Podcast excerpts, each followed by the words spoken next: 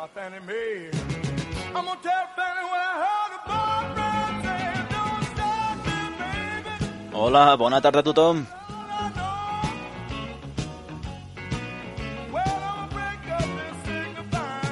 Doncs aquí estem una tarda més a Ràdio Sant Fos, amb el programa Deixa't històries.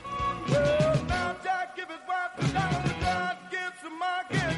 She gets on the street, Lord, Són les 5 de la tarda, les 17 hores. I, bueno, és dimarts.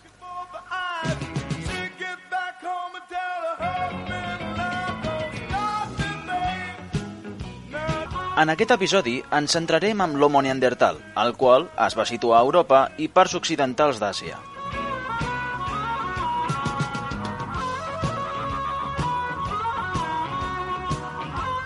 Per cert, recordeu que tots aquests programes els podeu tornar a escoltar també els divendres a les 7 en punt, en cas que us perdeu algun, a més de poder-lo escoltar també quan vosaltres hi vulgueu al nostre canal d'e-books Ràdio Municipal Sant Fos, concretament el podcast Deixa't d'Històries. Dit això, comencem.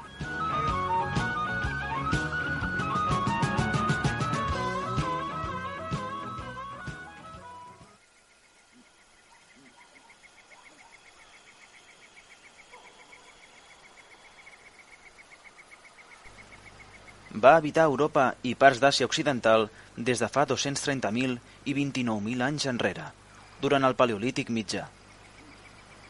S'estén des de l'Atlàntic a l'oest fins a Uzbekistan a l'oest i des d'Anglaterra al nord fins al Llevant al sud. No existeix evidència biològica que hi hagi ingressat a l'Àfrica o Aràbia o hagi ocupat algun lloc d'Àsia central o oriental.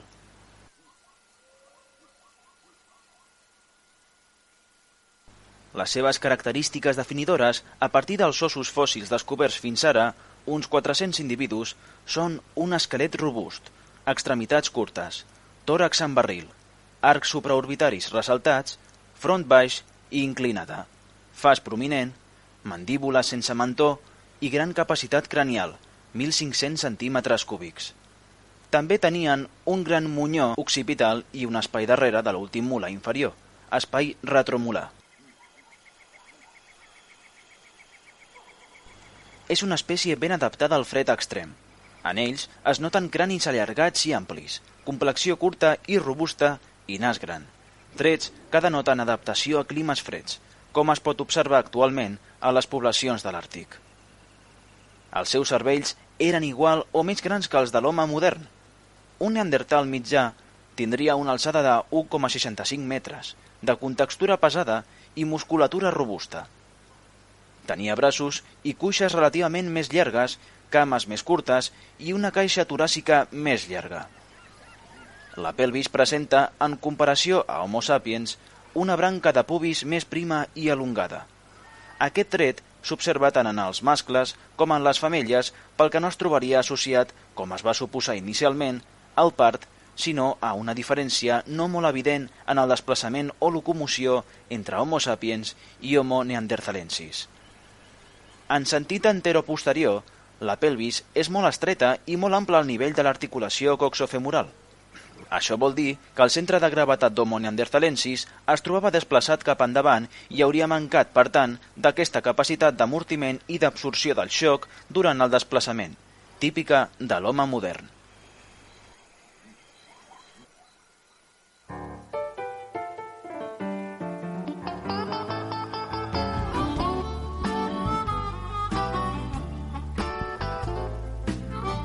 A continuació, seguirem parlant sobre les diferents eines, societat i restes biològiques d'aquesta espècie.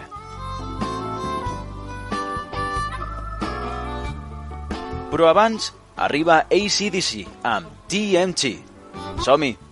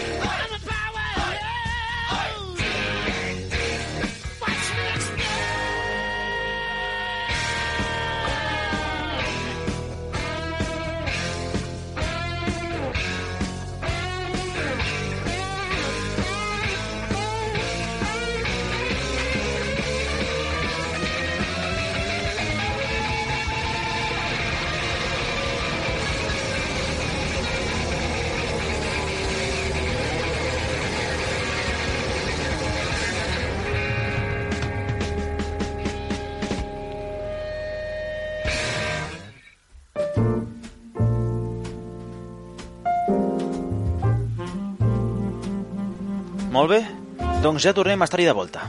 Vinga.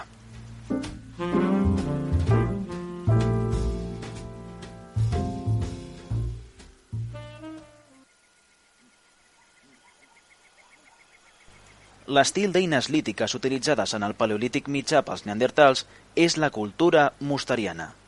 També s'ha associat a ells la cultura chateloporriense, del paleolític superior, que potser és el resultat de la imitació per contacte amb humans moderns, encara que existeix discussió referent a això.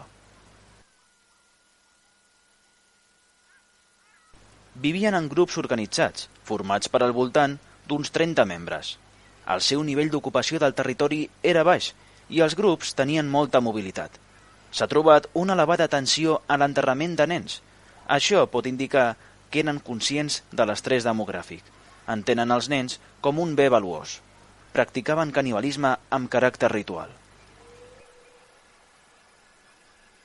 No és avantpassat de l'home actual.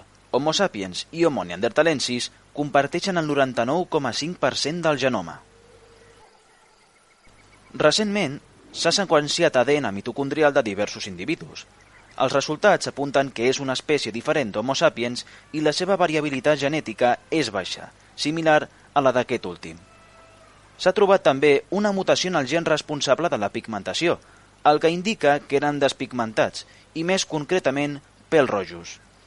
No obstant això, es tracta d'una mutació diferent de la que trobem en Homo sapiens, és a dir, es tracta d'una convergència adaptativa.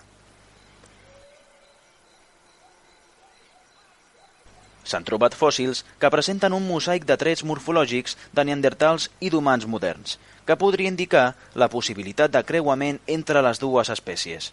És el cas de l'esquelet d'un nen de 4 anys trobat al jaciment portuguès de la Garbelo i d'uns 24.500 anys d'antiguitat, en una època en què els neandertals ja s'havien extingit. No obstant, en els estudis d'ADN no s'han trobat indicis d'aquesta hibridació.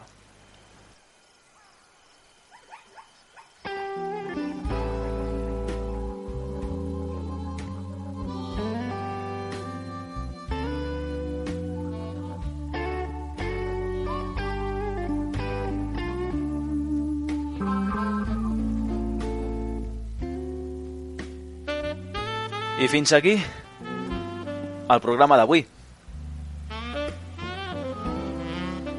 Com sempre, els espero el pròxim dimarts amb més històries i sobretot amb ganes d'ensenyar i analitzar el nostre passat i present d'aquest món tan antic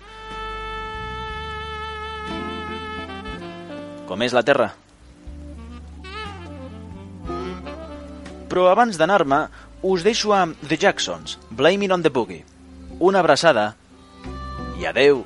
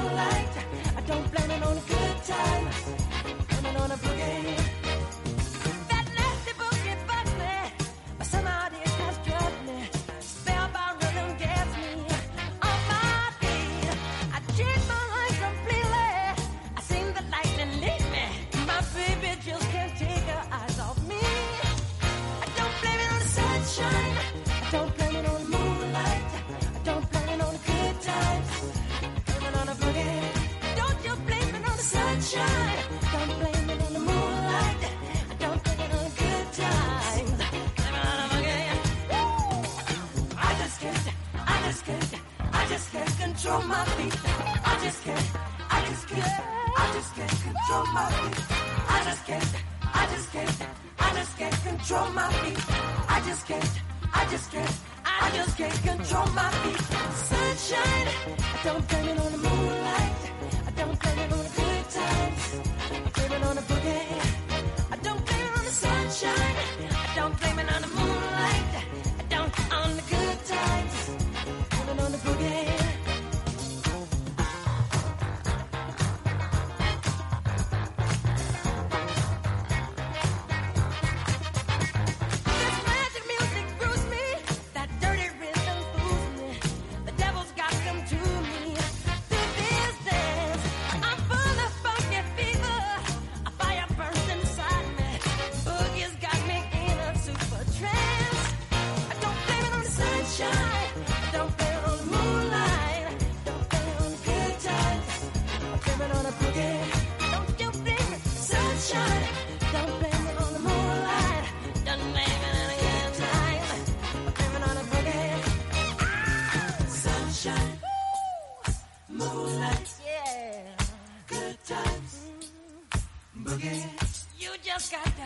sunshine. Yeah.